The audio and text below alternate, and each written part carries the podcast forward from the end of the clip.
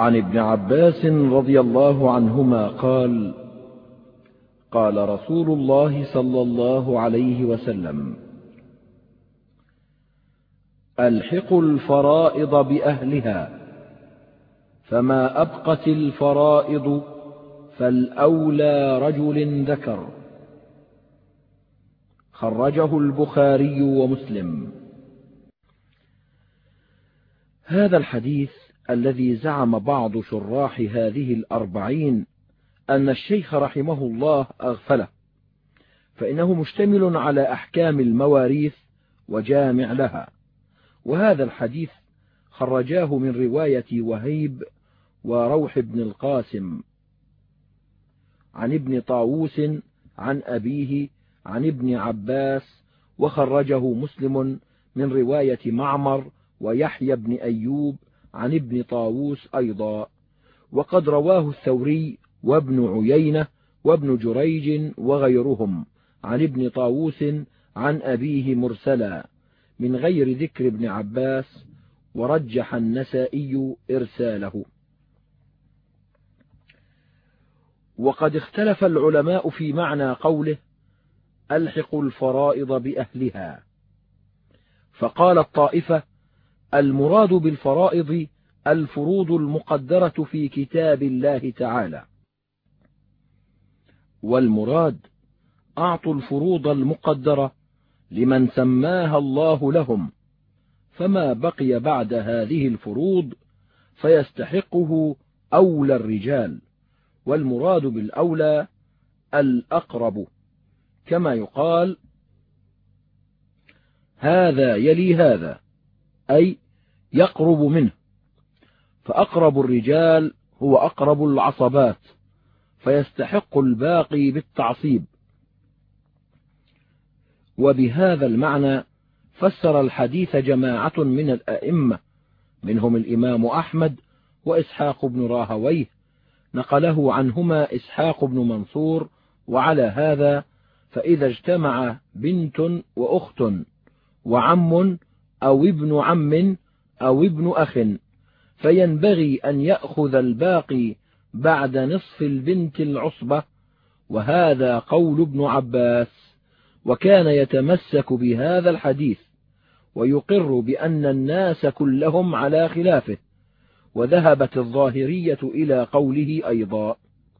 وقال إسحاق إذا كان مع البنت والأخت عصبة فالعصبة أولى. وإن لم يكن معهما أحد فالأخت لها الباقي. وحكي عن ابن مسعود أنه قال البنت عصبة من لا عصبة له. ورد بعضهم هذا وقال لا يصح عن ابن مسعود.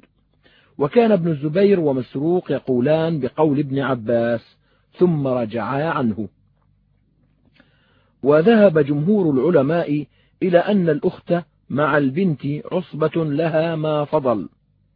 منهم عمر وعلي وعائشة وزيد وابن مسعود ومعاذ بن جبل وتابعهم سائر العلماء. وروى عبد الرزاق أخبرنا ابن جريج سألت ابن طاووس عن ابنة وأخت فقال كان أبي يذكر عن ابن عباس عن رجل عن النبي صلى الله عليه وسلم فيها شيئا. وكان طاووس لا يرضى بذلك الرجل. قال وكان أبي يشك فيها ولا يقول فيها شيئا وقد كان يسأل عنها. والظاهر والله أعلم أن مراد طاووس هو هذا الحديث فإن ابن عباس لم يكن عنده نص صريح عن النبي صلى الله عليه وسلم في ميراث الأخت مع البنت إنما كان يتمسك بمثل عموم هذا الحديث.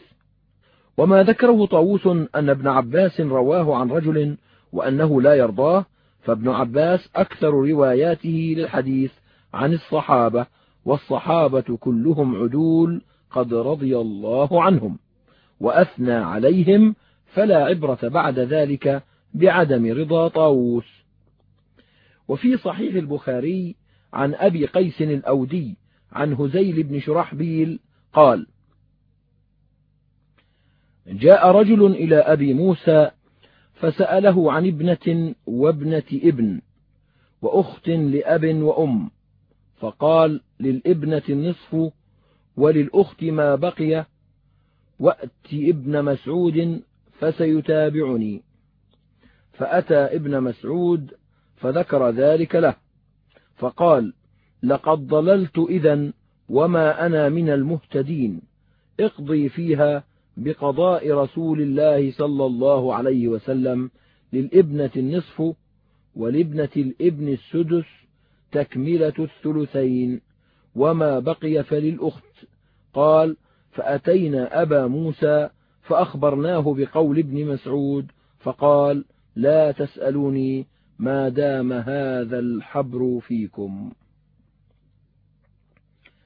وفيه أيضا عن الأعمش عن إبراهيم عن الأسود بن يزيد قال قضى فينا معاذ بن جبل على عهد رسول الله صلى الله عليه وسلم النصف للإبنة والنصف للأخت ثم ترك الأعمش ذكر عهد رسول الله صلى الله عليه وسلم فلم يذكره وخرجه أبو ب داود من وجه آخر عن الأسود وزاد فيه ونبي الله صلى الله عليه وسلم يومئذ حي.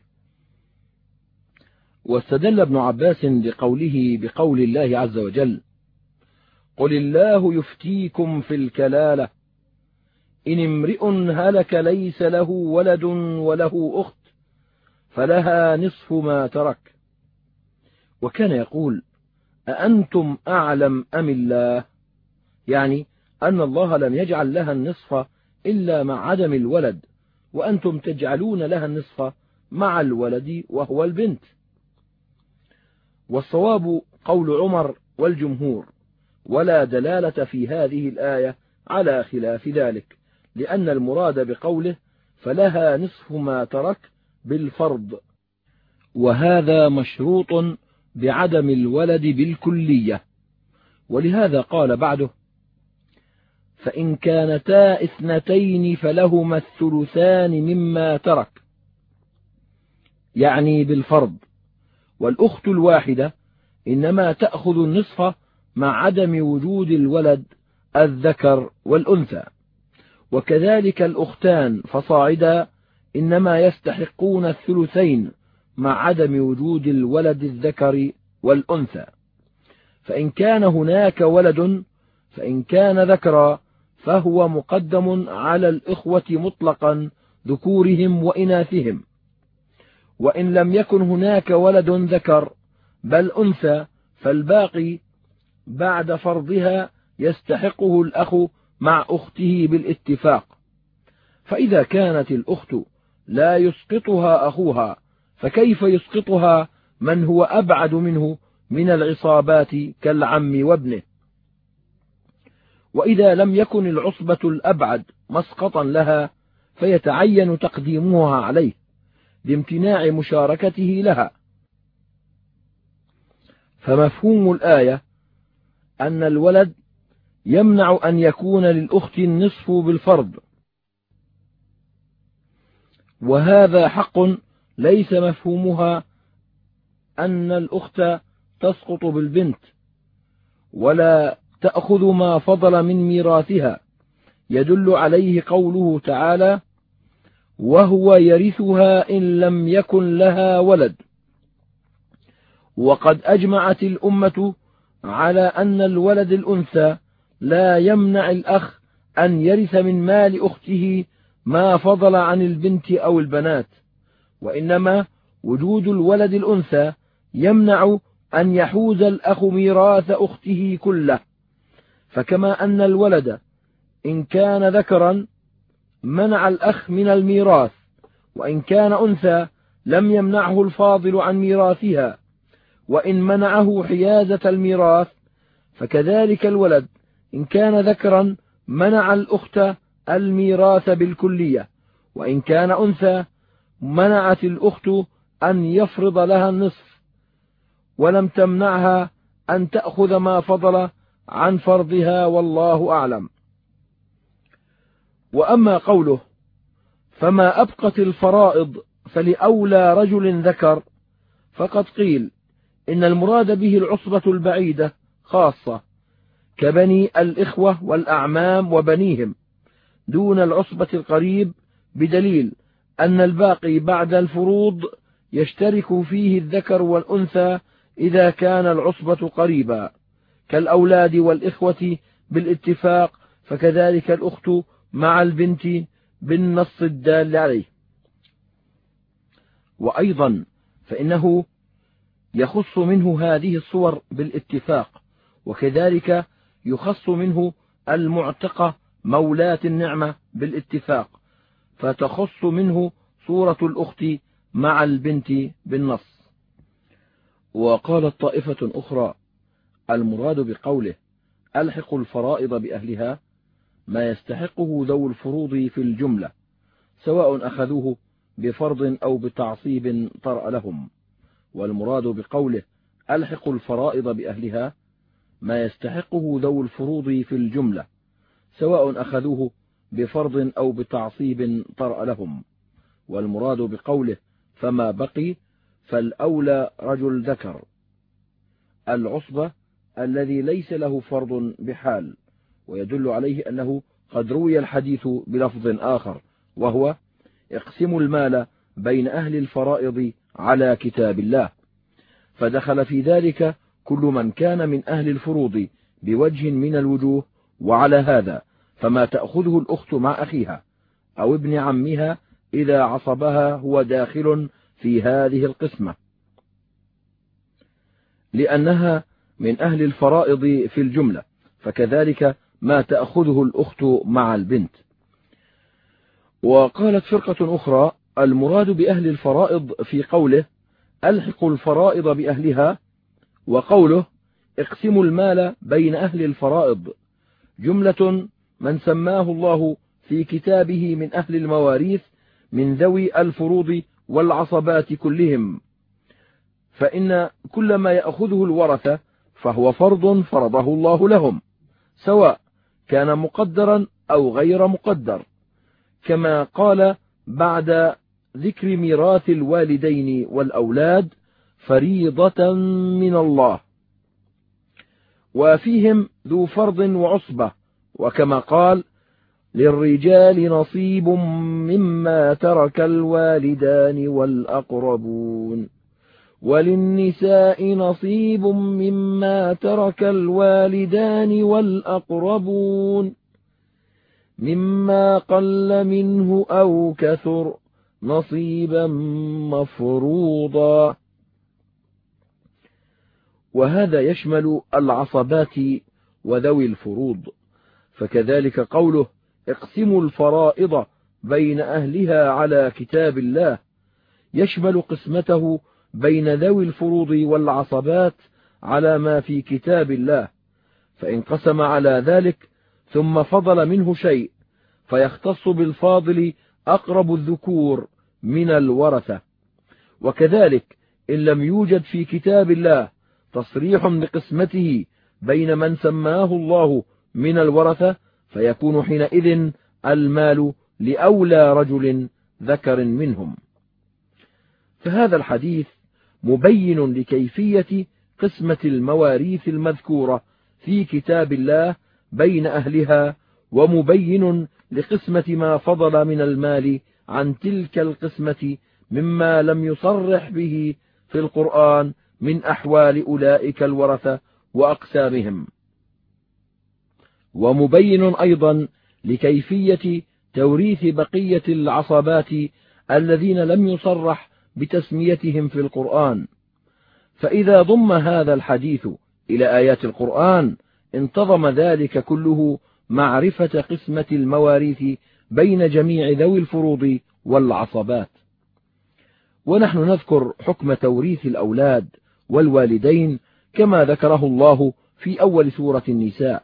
وحكم توريث الإخوة من الأبوين أو من الأب كما ذكره الله في آخر السورة المذكورة.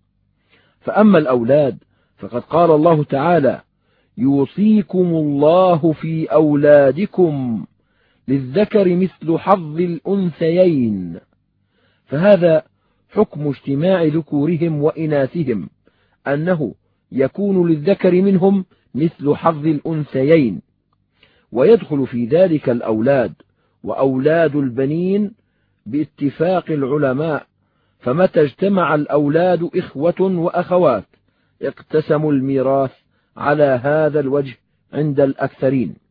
فلو كان هناك بنت للصلب أو ابنتان وكان هناك ابن ابن مع أخته اقتسما الباقي أثلاثا لدخولهم في هذا العموم.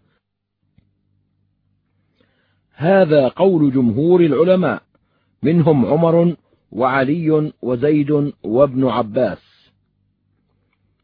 وذهب إليه عامة العلماء والأئمة الأربعة.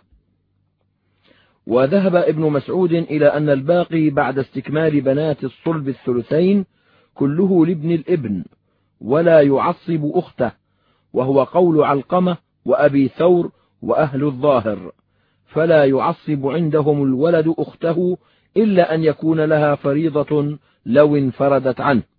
فكذلك قالوا فيما إذا كان هناك بنت وأولاد ابن ذكور وإناث إن الباقي لجميع ولد الابن للذكر منهم مثل حظ الأنثيين. وقال ابن مسعود في بنت وبنات ابن وبني ابن للبنت النصف وللباقي بين ولد الابن للذكر مثل حظ الأنثيين إلا أن تزيد المقاسمة بنات الابن على السدس. فيفرض لهن السدس ويجعل الباقي لبني الابن وهو قول أبي ثور. وأما الجمهور فقالوا النصف الباقي لولد الابن للذكر مثل حظ الأنثيين عملا بعموم الآية وعندهم أن الولد وإن نزل يعصب من في درجته بكل حال سواء كان للأنثى فرض بدونه أو لم يكن. ولا يعصب من أعلى منه من الإناث إلا بشرط أن لا يكون لها فرض بدونه ولا يعصب من أسفل منه بكل حال. ثم قال تعالى فإن كن نساء فوق اثنتين فلهن ثلثا ما ترك وإن كانت واحدة فلها النصف. فهذا حكم انفراد الإناث من الأولاد أن للواحدة النصف ولما فوق الاثنتين الثلثان. ويدخل في ذلك بنات الصلب وبنات الإبن عند عدمهن. فإن اجتمعن فإن استكمل بنات الصلب الثلثين فلا شيء لبنات الإبن المنفردات. وإن لم يستكمل البنات الثلثين بل كان ولد الصلب بنتا واحدة ومعها بنات إبن فللبنت النصف ولبنات الإبن السدس تكملة الثلثين لئلا يزيد فرض البنات على الثلثين. وبهذا قضى النبي صلى الله عليه وسلم في حديث ابن مسعود الذي تقدم ذكره وهو قول عامة العلماء إلا ما روي عن ابن مسعود وسلمان بن ربيعة أنه لا شيء لبنات الابن. وقد رجع أبو موسى إلى قول ابن مسعود لما بلغه قوله في ذلك. وإنما أشكل على العلماء حكم ميراث البنتين فإن لهما الثلثين بالإجماع كما حكاه ابن المنذر وغيره وما حكي فيه عن ابن عباس أن لهما النصف. فقد قيل إن إسناده لا يصح والقرآن يدل على خلافه حيث قال وإن كانت واحدة فلها النصف. فكيف تورث أكثر من واحدة النصف. وحديث ابن مسعود في توريث البنت النصف وبنت الابن السدس تكملة الثلثين يدل على توريث البنتين الثلثين بطريق الأولى. وخرج الإمام أحمد وأبو داود والترمذي من حديث جابر أن النبي صلى الله عليه وسلم ورث ابنتي سعد بن الربيع الثلثين. ولكن أشكل فهم ذلك من القرآن لقوله تعالى فإن كن نساء فوق اثنتين. فلهذا اضطرب الناس في هذا وقال كثير من الناس فيه أقوالا مستبعدة. ومنهم من قال استفيد حكم ميراث الابنتين من ميراث الأختين. فإنه قال تعالى فإن كانتا إثنتين فلهما الثلثان مما ترك. واستفيد حكم ميراث أكثر من الأختين من حكم ميراث ما فوق الاثنتين.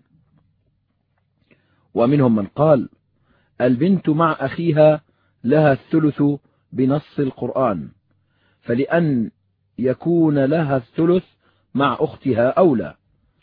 وسلك بعضهم مسلكا آخر وهو أن الله تعالى ذكر حكم توريث اجتماع الذكور والإناث من الأولاد وذكر حكم توريث الإناث إذا انفردنا عن الذكور ولم ينص على حكم انفراد الذكور منهم عن الإناث وجعل حكم الاجتماع أن الذكر له مثل حظ الأنثيين. فإن اجتمع مع الابن ابنتان فصاعدا فله مثل نصيب اثنتين منهن. وإن لم يكن معه إلا ابنة واحدة فله الثلثان ولها الثلث. وقد سمى الله ما يستحقه الذكر حظ الأنثيين مطلقا وليس الثلثان حظ الأنثيين في حال اجتماعهما مع الذكر لأن حظهما حينئذ النصف. فتعين أن يكون الثلثان حظهما حال الانفراد. وبقي ها هنا قسم ثالث لم يصرح القرآن بذكره وهو حكم انفراد الذكور من الولد. وهذا مما يمكن إدخاله في حديث ابن عباس فما بقي فالأولى رجل ذكر. فإن هذا القسم فإن هذا القسم قد بقي ولم يصرح بحكمه في القرآن. فيكون المال حينئذ لأقرب الذكور من الولد والأمر على هذا. فإنه لو اجتمع ابن وابن ابن لكان المال كله للابن. ولو كان ابن ابن وابن ابن ابن لكان المال كله لابن الابن على مقتضى حديث ابن عباس والله أعلم. ثم ذكر تعالى حكم ميراث الأبوين فقال ولأبويه لكل واحد منهما السدس مما ترك إن كان له ولد. فهذا حكم ميراث الأبوين إذا كان للولد المتوفى ولد وسواء في الولد الذكر والأنثى وسواء فيه ولد الصلب وولد الإبن. هذا كالإجماع من العلماء وقد حكى بعضهم عن مجاهد فيه خلافا. فمتى كان للميت ولد أو ولد ابن وله أبوان فلكل واحد من أبويه السدس فرضا ثم إن كان الولد ذكرا فالباقي بعد سدسي الأبوين له وربما دخل هذا في قوله صلى الله عليه وسلم ألحق الفرائض بأهلها فما بقي فلأولى رجل ذكر. وأقرب العصبات الابن وإن كان الولد أنثى فإن كانتا اثنتين فصاعدا فالثلثان لهن ولا يفضل من المال شيء. وإن كانت بنتا واحدة فلها النصف ويفضل من المال سدس آخر. فيأخذه الأب بالتعصيب عملا بقوله صلى الله عليه وسلم ألحق الفرائض بأهلها. فما بقي فلأولى رجل ذكر فهو أولى رجل ذكر عند فقد الابن إذ هو أقرب من الأخ وابنه والعم وابنه. ثم قال تعالى فإن لم يكن له ولد وورثه أبواه فلأمه الثلث. يعني إذا لم يكن للميت ولد وله أبوان يرثانه فلأمه الثلث فيفهم من ذلك أن الباقي بعد الثلث للأب لأنه أثبت ميراثه لأبويه. وخص الأم من الميراث بالثلث فعلم أن الباقي للأب ولم يقل فللأب مثلا ما للأم لئلا يوهم أن اقتسامهما المال هو بالتعصيب كالأولاد والإخوة. إذا كان فيهم ذكور وإناث. وكان ابن عباس يتمسك بهذه الآية لقوله في المسألتين الملقبتين بالعمريتين وهما زوج وأبوان وزوجة وأبوان. فإن عمر قضى أن الزوجين يأخذان فرضهما من المال وما بقي بعد فرضهما في المسألتين فللأم ثلثه والباقي للأب. وتابعه على ذلك جمهور الأمة. وقال ابن عباس بل للأم الثلث كاملا تمسكا بقوله فإن لم يكن له ولد وورثه أبواه فلأمه الثلث. وقد قيل في جواب هذا إن الله إنما جعل للأم الثلث بشرطين أحدهما أن لا يكون للولد المتوفى ولد والثاني أن يرثه أبواه أي أن ينفرد أبواه بميراثه فما لم ينفرد أبواه بميراثه فلا تستحق الأم الثلث وإن لم يكن للمتوفى ولد. وقد يقال وهو أحسن إن قوله وورثه أبواه فلأمه الثلث أي مما ورثه الأبوان ولم يقل فلأمه الثلث مما ترك كما قال في السدس. فالمعنى أنه إذا لم يكن له ولد وكان لأبويه من ماله ميراث فللأم ثلث ذلك الميراث الذي يختص به الأبوان ويبقى الباقي للأب. ولهذا السر والله أعلم حيث ذكر الله الفروض المقدرة لأهلها. قال فيها مما ترك أو ما يدل على ذلك كقوله من بعد وصية يوصي بها أو دين. ليبين أن ذا الفرض حقه ذلك الجزء المفروض المقدر له من جميع المال بعد الوصايا والديون. وحيث ذكر ميراث العصبات أو ما يقتسمه الذكور والإناث على وجه التعصيب كالأولاد والإخوة لم يقيده بشيء من ذلك ليبين أن المال المقتسم بالتعصيب ليس هو المال كله بل تارة يكون جميع المال وتارة يكون هو الفاضل عن الفروض المفروضة المقدرة. وهنا لما ذكر ميراث الأبوين من ولدهما الذي لا ولد له ولم يكن اقتسامهما للميراث بالفرض المحض كما في ميراثهما مع الولد. ولا كان بالتعصيب المحض الذي يعصب فيه الذكر الأنثى ويأخذ مثلي ما تأخذه الأنثى بل كانت الأم تأخذ ما تأخذه بالفرض والأب يأخذ ما يأخذه بالتعصيب.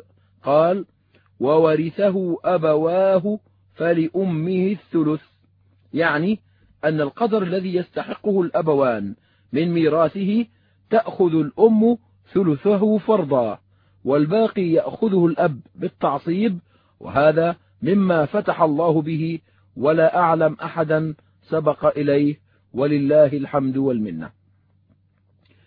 ثم قال تعالى فإن كان له إخوة فلأمه السدس من بعد وصية يوصي بها أو دين.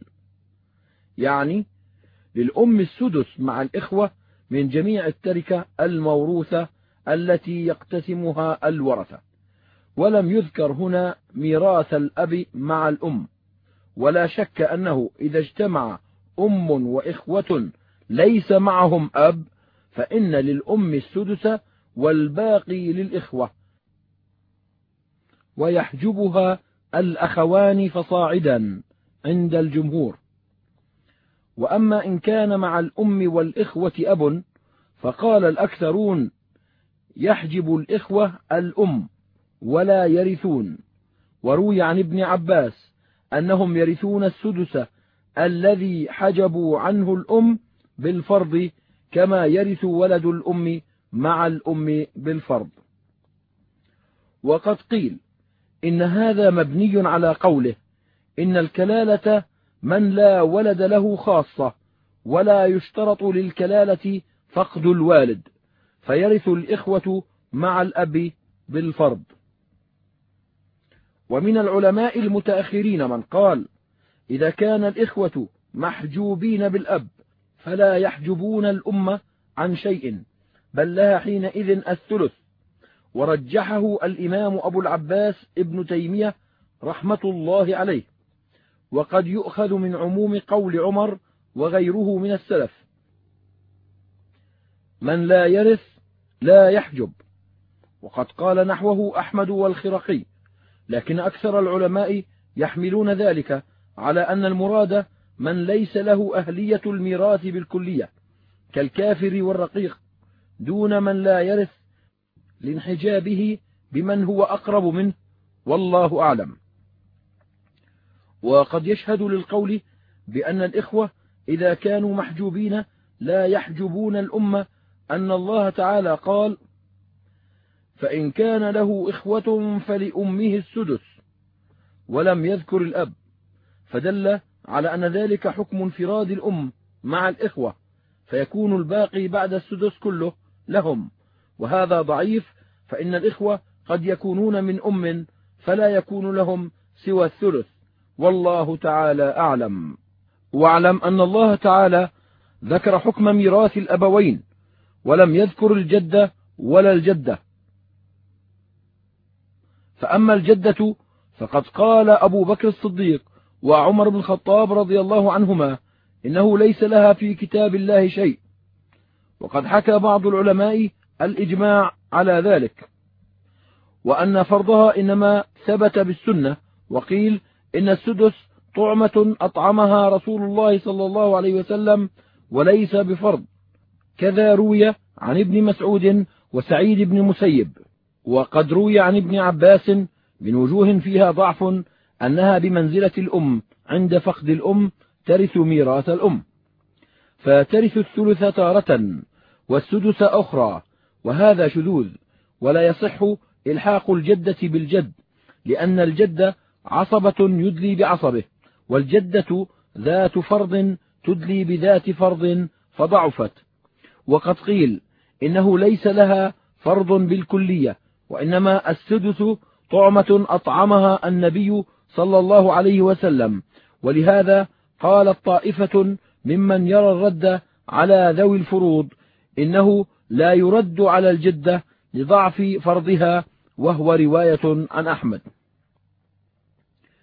وأما الجد فاتفق العلماء على أنه يقوم مقام الأب في أحواله المذكورة من قبل فيرث مع الولد السدس بالفرض ومع عدم الولد يرث بالتعصيب. وإن بقي شيء مع إناث الولد أخذه بالتعصيب أيضا عملا بقوله فما أبقت الفرائض فلأولى رجل ذكر. ولكن اختلفوا إذا اجتمع أم وجد مع أحد الزوجين. فروي عن طائفة من الصحابة أن للأم ثلث الباقي كما لو كان معها الأب كما سبق. روي ذلك عن عمر وابن مسعود كذا نقله بعضهم. ومنهم من قال إنما روي عن عمر وابن مسعود في زوج وأم وجد أن للأم ثلث الباقي. وروي عن ابن مسعود رواية أخرى أن النصف الفاضل بين الجد والأم نصفان وأما في زوجة وأم وجد فروي عن ابن مسعود رواية شاذة أن للأم ثلث الباقي والصحيح عنه كقول الجمهور إن لها الثلث كاملا وهذا يشبه تفريق ابن سيرين في الأم مع الأب أنه إن كان معهما زوج فللأم ثلث الباقي وإن كان معهما زوجة فللأم الثلث. وجمهور العلماء على أن الأم لها الثلث مع الجد مطلقا وهو قول علي وزيد وابن عباس والفرق بين الأم مع الأب ومع الجد أنها مع الأب يشملها اسم واحد وهما في القرب سواء إلى الميت فيأخذ الذكر منهما مثل حظ الأنثى مرتين كالأولاد والإخوة. وأما الأم مع الجد فليس يشملها اسم واحد والجد أبعد من الأب فلا يلزم مساواته به في ذلك. وأما إن اجتمع الجد مع الإخوة فإن كانوا لأم سقطوا به لأنهم إنما يرثون من الكلالة والكلالة من لا ولد له ولا والد إلا رواية شذت عن ابن عباس. وأما إن كانوا لأب أو لأبوين فقد اختلف العلماء في حكم ميراثهم قديما وحديثا. فمنهم من أسقط الإخوة بالجد مطلقا كما يسقطون بالأب. وهذا قول الصديق ومعاذ وابن عباس وغيرهم. واستدلوا بأن الجد أب في كتاب الله عز وجل فيدخل في مسمى الأب في المواريث كما أن ولد الولد ولد ويدخل في مسمى الولد عند عدم الولد بالاتفاق. وبأن الإخوة إنما يرثون مع الكلالة فيحجبهم الجد كالإخوة من الأب وبأن الجد أقوى من الإخوة لاجتماع الفرض والتعصيب له من جهة واحدة فهو كالأب وحينئذ فيدخل في عموم قوله صلى الله عليه وسلم فما بقي فلأولى رجل ذكر. ومنهم من شرك بين الإخوة والجد وهو قول كثير من الصحابة وأكثر الفقهاء بعدهم على اختلاف طويل بينهم في كيفية التشريك بينهم في الميراث. وكان من السلف من يتوقف في حكمهم ولا يجيب فيهم بشيء لاشتباه أمرهم وإشكاله. ولولا خشية الإطالة لبسطنا القول في هذه المسألة ولكن ذلك يؤدي إلى الإطالة جدا. وأما حكم ميراث الإخوة الأبوين أو للأب فقد ذكره الله تعالى في آخر سورة النساء في قوله تعالى يستفتونك قل الله يفتيكم في الكلالة إن امرئ هلك ليس له ولد وله أخت فلها نصف ما ترك والكلالة مأخوذة من تكلل النسب وإحاطته بالميت. وذلك يقتضي انتفاء الانتساب مطلقا من العمودين الأعلى والأسفل. وتنصيصه تعالى على انتفاء الولد تنبيه على انتفاء الوالد بطريق الأولى. لأن انتساب الولد إلى والده أظهر من انتسابه إلى ولده. فكان ذكر عدم الولد تنبيها على عدم الوالد بطريق الأولى. وقد قال أبو بكر الصديق الكلالة من لا ولد له ولا والد. تابعه جمهور الصحابة والعلماء بعدهم. وقد روي ذلك مرفوعا من مراسيل أبي سلمة ابن عبد الرحمن عن النبي صلى الله عليه وسلم خرجه أبو داود في المراسيل. وخرجه الحاكم من رواية عن أبي سلمة عن أبي هريرة مرفوعة وصححه ووصله بذكر أبي هريرة ضعيف. فقوله إن امرئ هلك ليس له ولد وله أخت فلها نصف ما ترك يعني إذا لم يكن للميت ولد بالكلية لا ذكر ولا أنثى. فللأخت حينئذ النصف مما ترك فرضا. ومفهوم هذا أنه إذا كان له ولد فليس للأخت النصف فرضا ثم إن كان الولد ذكرا فهو أولى بالمال كله لما سبق تقريره في ميراث الأولاد الذكور إذا انفردوا فإنهم أقرب العصبات وهم يسقطون الإخوة فكيف لا يسقطون الأخوات؟ وأيضا فقد قال تعالى وإن كانوا إخوة رجالا ونساء فللذكر مثل حظ الأنثيين. وهذا يدخل فيه ما إذا كان هناك ذو فرض كالبنات وغيرهن. فإذا استحق الفاضل ذكور الإخوة مع الأخوات فإذا انفردوا فكذلك يستحقونه وأولى. وإن كان الولد أنثى فليس للأخت هنا النصف بالفرض ولكن لها الباقي بالتعصيب عند جمهور العلماء. وقد سبق ذكر ذلك والاختلاف فيه. فلو كان هناك ابن لا يستوعب المال وأخت مثل ابن نصفه حر عند من يورثه نصف الميراث وهو مذهب الإمام أحمد وغيره من العلماء. فهل يقال إن الابن هنا يسقط نصف فرض الأخت فترث معه الربع فرضا؟ أم يقال إنه يصير كالبنت فتصير الأخت معه عصبة كما تصير مع الأخت لكنه يسقط نصف تعصيبها فتأخذ معه النصف الباقي بالتعصيب. هذا محتمل وفي هذه المسألة لأصحابنا وجهان. وقوله تعالى وهو يرثها إن لم يكن لها ولد يعني أن الأخ يستقل بميراث أخته إذا لم يكن لها ولد ذكر أو أنثى. فإن كان لها ولد ذكر فهو أولى من الأخ بغير إشكال فإنه أولى رجل ذكر وإن كان أنثى فالباقي بعد فرضها فالباقي بعد فرضها يكون للأخ لأنه أولى رجل ذكر ولكن لا يستقل بميراثها حينئذ كما إذا لم يكن لها ولد.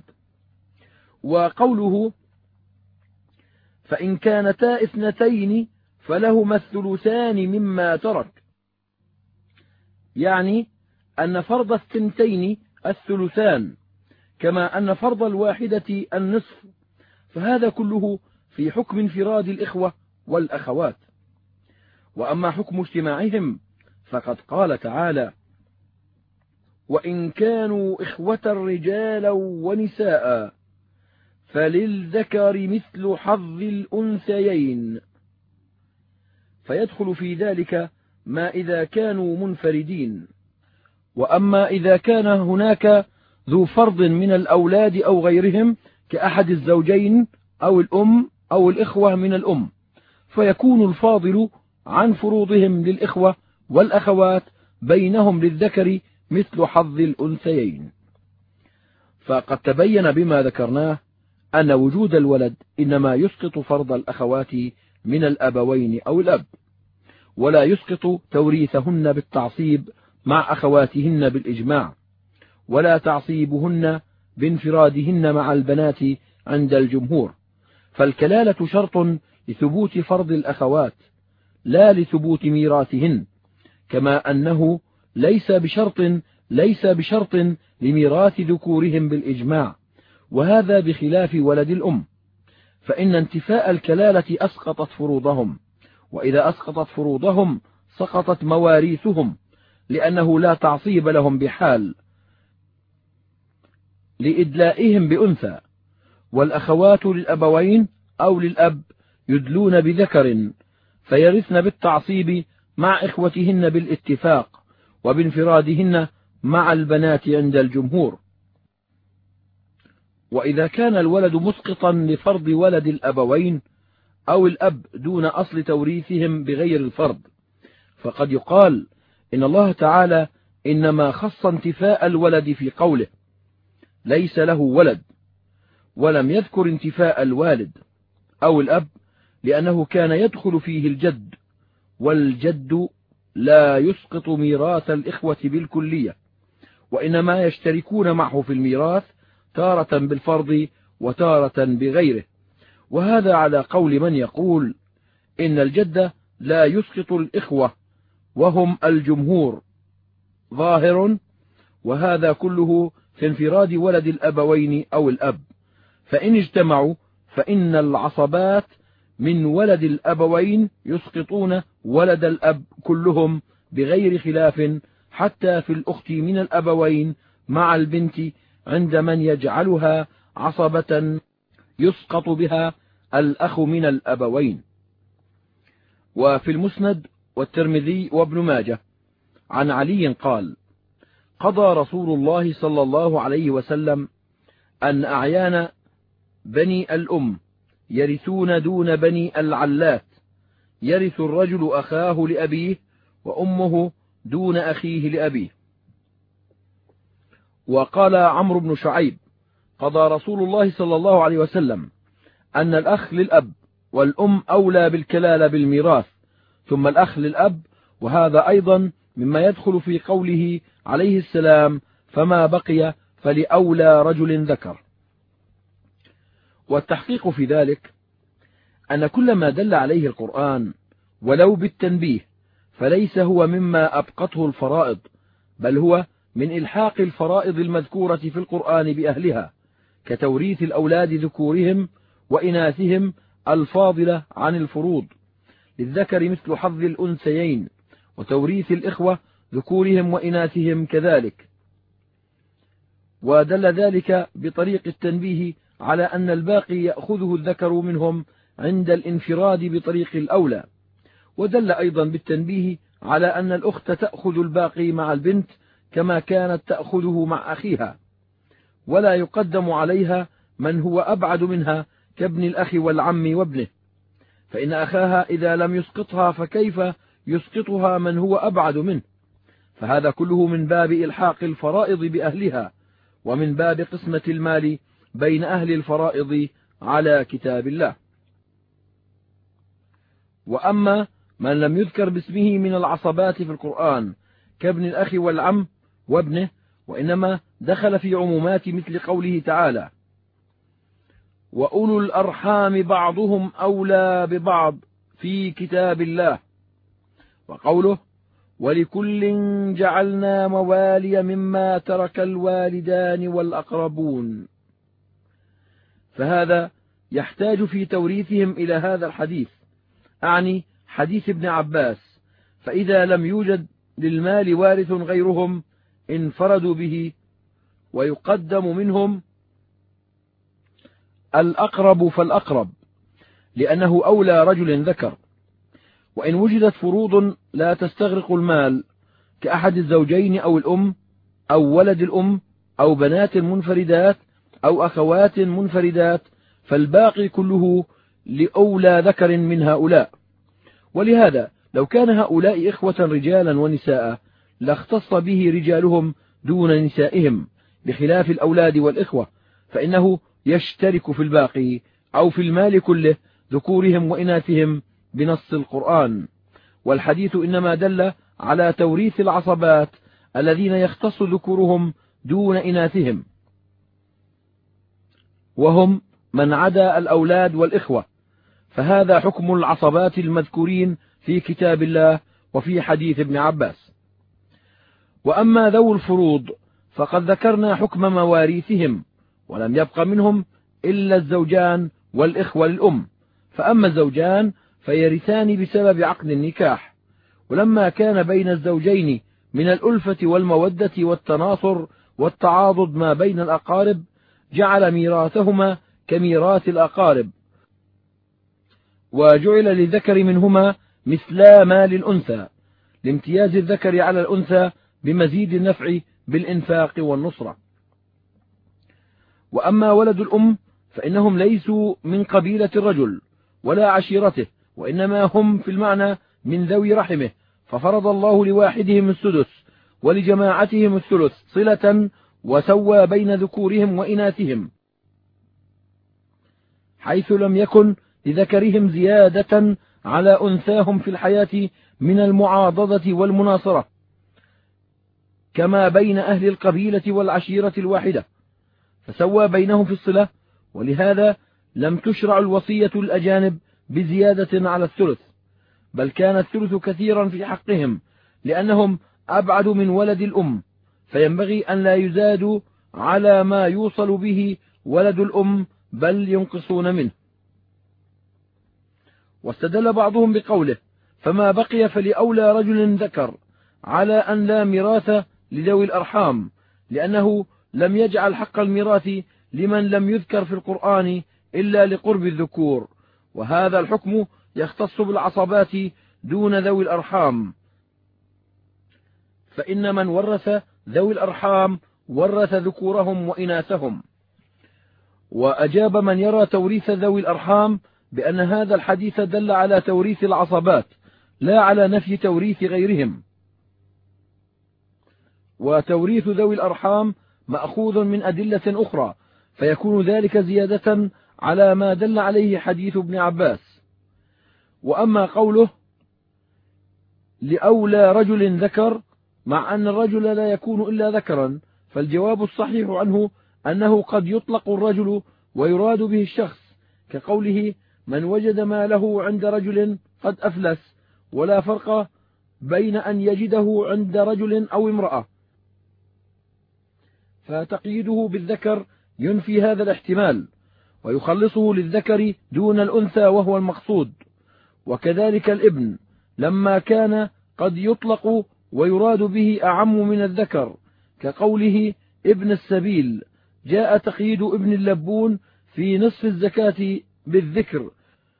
وللسهيلي كلام على هذا الحديث فيه تكلف وتعسف شديد.